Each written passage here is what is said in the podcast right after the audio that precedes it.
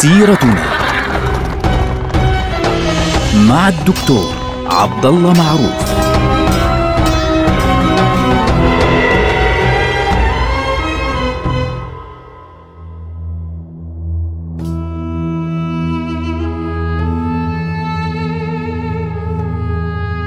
السلام عليكم ورحمة الله وبركاته. سيرتنا سيرة هذه الأمة ونحن الآن في عهد الدولة العثمانية مع السلطان ياوس سليم. السلطان ياوس سليم انتصر انتصارا ساحقا على الدولة الصفوية في معركة تشالديران ولكنه مع ذلك تمكن من ضم العراق وضم إيران خاصة تبريز عاصمة الدولة الصفوية في ذلك الوقت إلى حكم الدولة العثمانية. ارتداد هذا الموضوع كان على الدولة المملوكية هي الدولة القوية الموجودة في مصر وتسيطر على بلاد الشام وعلى الحجاز وعلى مناطق كبيرة جدا يعني المساجد الثلاثة في عهدتها وعندهم الخليفة اللي هو العباسي في ذلك الوقت هذا الارتداد الكبير كان ارتدادا سيئا على هذه الدولة ليه؟ السلطان المملوكي الموجود في القاهرة في ذلك الوقت اللي هو السلطان قنصول غوري إن صح التعبير وقف بشكل غير مباشر مع الدولة الصفوية ضد الدولة العثمانية في معركة تشالديران وما بعد معركة تشالديران. يعني السلطان يوسف سليم بعد أن دخل تبريز كان يريد أن يأخذ المؤن فعليا من ناحية الأناضول باتجاه مناطق إيران وشمال العراق. فمنعت القوات المملوكية في بلاد الشام في شمال بلاد الشام بأمر مباشر من السلطان قنصل غوري منعت الإمدادات والمؤن من الوصول إلى الدولة العثمانية أو تحديدا إلى السلطان يوس سليم في تبريز مما تسبب في اضطراره للعودة إلى أماسيا. هذا الأمر كان صعبا جدا خاصة أنه يوم ما دخل العثمانيون إلى العراق وسيطروا على العراق حتى بغداد كانت الأمور بالنسبة للدولة المملوكية إنذار خطير بقرب وقوع معركة. يعني لم يستبشر أحد ولم يفرح أحد خاصة السلطان قنصلغوري الأمر الأخطر من ذلك أن السلطان قنصلغوري بعد أن دخل العثمانيون إلى بغداد اعتبر أنه هو التالي في المعركة فأرسل إلى الشاه إسماعيل الصفوي الذي كان قد فر كما ذكرنا في حلقة ماضية من تبريز أرسل إليه وطلب معه التحالف المباشر. هذا التحالف كان خطأ كبيرا جدا من الناحية السياسية. يعني الأمر كان صعبا جدا. طبعا للعلم الدولة المملوكية بدأت تخاف من الدولة العثمانية منذ أن فتحت القسطنطينية. يعني في أيام جد السلطان سليم اللي هو السلطان محمد الفاتح. ليه؟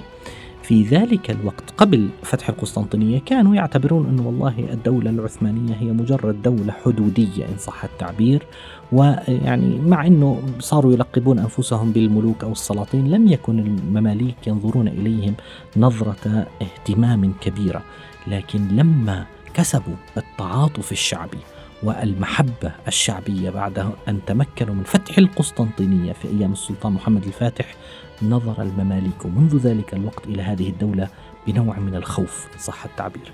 وبالتالي كانت الأمور أحيانا يعني فاترة بين الطرفين.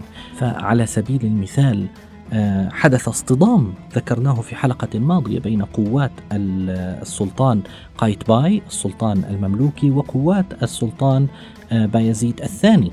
اللي هو أبو السلطان يوسف سليم وهذا الأمر يعني باي تونس هو الذي فك الاشتباك بين الطرفين وكان المبادر في هذا الصراع كان السلطان قايتباي يعني هو الذي هاجم بعض الأراضي خاصة في آه، أنه المماليك في ذلك الوقت كانوا يسيطرون على منطقة في وسط الأناضول قريبة من المنطقة اللي بنسميها اليوم كابادوكيا. فهم يسيطرون على تلك البقعة وهذا الأمر هو الذي جعل الدولة المملوكية تتمكن من قطع طرق الإمداد على الدولة العثمانية عندما تمكن السلطان يوسف سليم من دخول تبريز عاصمة الدولة الصفوية بعد معركة شالدران. فبالتالي الإمارة التي كان يسيطر عليها المماليك في آه، وسط كابادوكيا تسمى إمارة يعني بعضهم بيسميها بالعربي بيحكوا لها ذو القدر لكنها فعليا هي آه، كابادوكيا اللي بنعرفها اليوم. فهنا آه، تبين بشكل واضح إنه وجود هذه الدولة المملوكية يمكن أن يؤدي بشكل غير مباشر إلى إضعاف الدولة المملوكية. الشيء الذي يعني يجب أن ننتبه إليه هنا إنه انتصار العثمانيين في معركة تشالدران كان مفاجأة للمماليك. يعني السلطان قنصل غوري كان يتوقع أن المماليك لن يستطيعوا أن آه، ينتصروا على آه، الصفويين في معركة تشالدران فهو كان ينظر إلى الموضوع باعتبار أنه والله طرفين بضربوا بعض بقاتلوا بعض وبالنهاية يضعفان بعضهما وأنا اللي بكسب فقط. فكانت النتيجة غير متوقعة بالنسبة له وهي أن السلطان ياو السليم تمكن من تدمير الجيش الصفوي ودخل تبريز بالكامل خاصة بعد فتح العراق لاحقا. الذي يهمنا هنا إنه السلطان ياو السليم خلص فهم إنه هذه الدولة المملوكية الآن أصبحت يعني خطرا على دولته خاصة بعد قطع طرق الإمداد. واللي زاد الطين بلة إنه وصلت الأخبار بالمراسلات التي حدثت بين السلطان قانصول غوري والشاه عباس الصفوي فبدأ يتحرش إن صح التعبير في الدولة المملوكية ويستدرجها إلى حرب إلى معركة.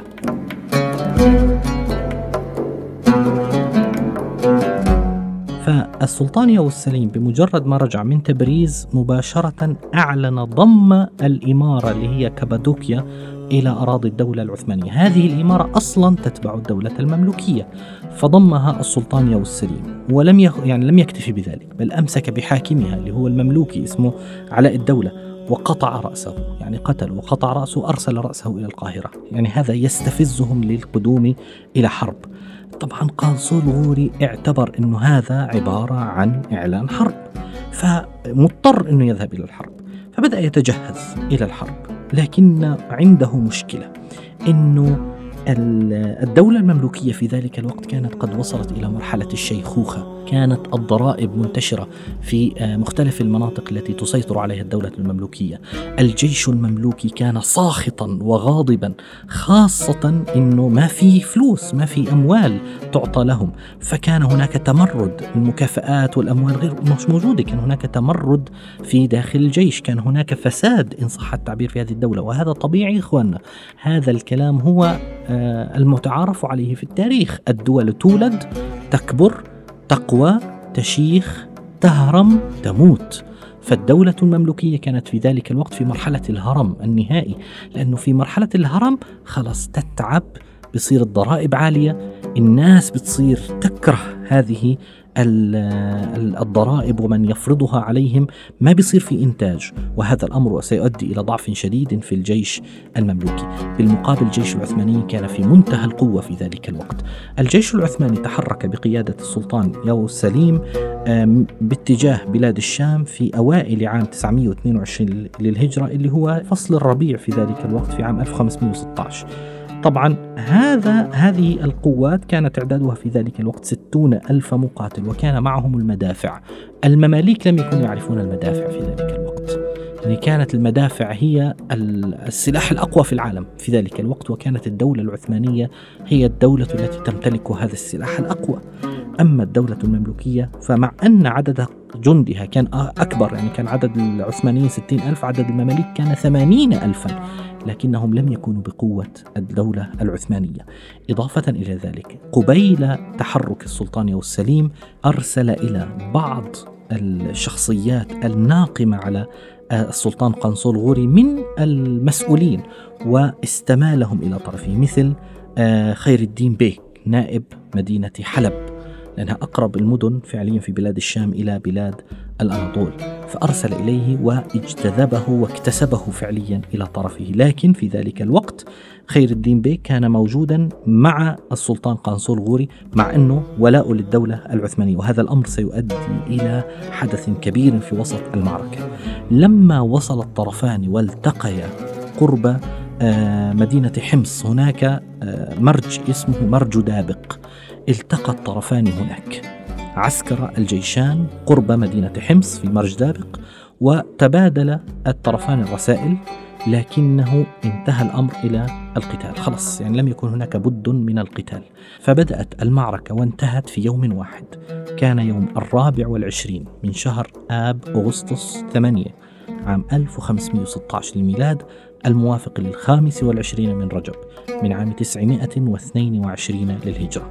هذه المعركة لم تكن أكثر من يوم واحد بل بالعكس بعضهم يقول أنه استمرت يعني حوالي سبع ساعات أو ست ساعات فقط يعني بعضهم يقول ثمان ساعات حتى. لم تكن أكثر من ذلك. هذه المعركة في بدايتها لم يصمد المماليك لأنه جيش المماليك انشق. خير الدين بي نائب حلب انسحب. من الجيش وانضم إلى العثمانيين ونائب حماة في ذلك الوقت اللي هو جان برد الغزالي راسله السلطان يوسف السليم واكتسبه إلى طرفه فخرج من صفوف الجيش المملوكي وانضم إلى الجيش العثماني. وهذا الأمر أدى إلى يعني سقوط معنويات الجيش المملوكي والسلطان قانصو الغوري. فخلال الثمان ساعات هذه يعني قضي على جيش المماليك في هذه المعركة. أما السلطان قانصو الغوري فقد مات. طبعا الرواية هنا مختلف فيها. بعض الروايات بتقول انه هو من شدة الحزن على ما رأى يعني إنه انشق عنه هذول الاثنين نائب حلب ونائب حما. والضعف الذي أصاب جيشه انصاب بنسميها جلطة ومات سقط عن فرسه ومات. بعضهم بيقول إنه لا إنه هو دس يعني شرب السم وانتحر بين قوسين لكن ما في عندنا يعني دليل على هذا أو ذاك لكن الذي يهمنا ان السلطان قانصو الغوري مات في المعركة بعد أن حدث هذا الحدث.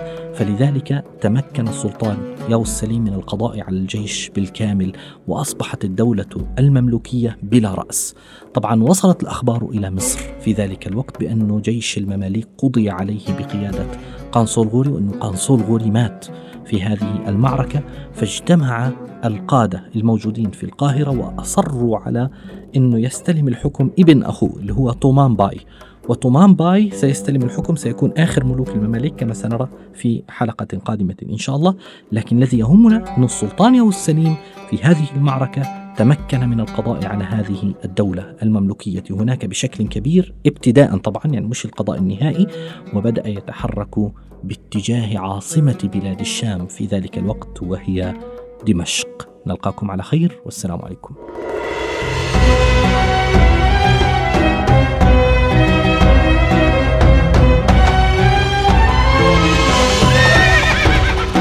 سيرتنا مع الدكتور عبد الله معروف.